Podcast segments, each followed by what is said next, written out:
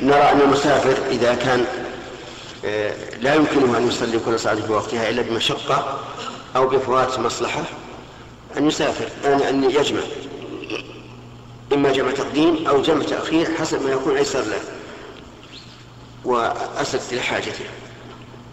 سواء كان سواء كان يريد البقاء شهرا أو شهرين أو أكثر.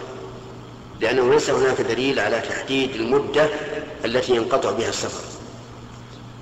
وعلى هذا فنقول لهذا الأخ آه، اجمع بين الظهر والعصر جمع تقديم أو تأخير حسب ما يتيسر لك وكذلك بين المغرب والعشاء.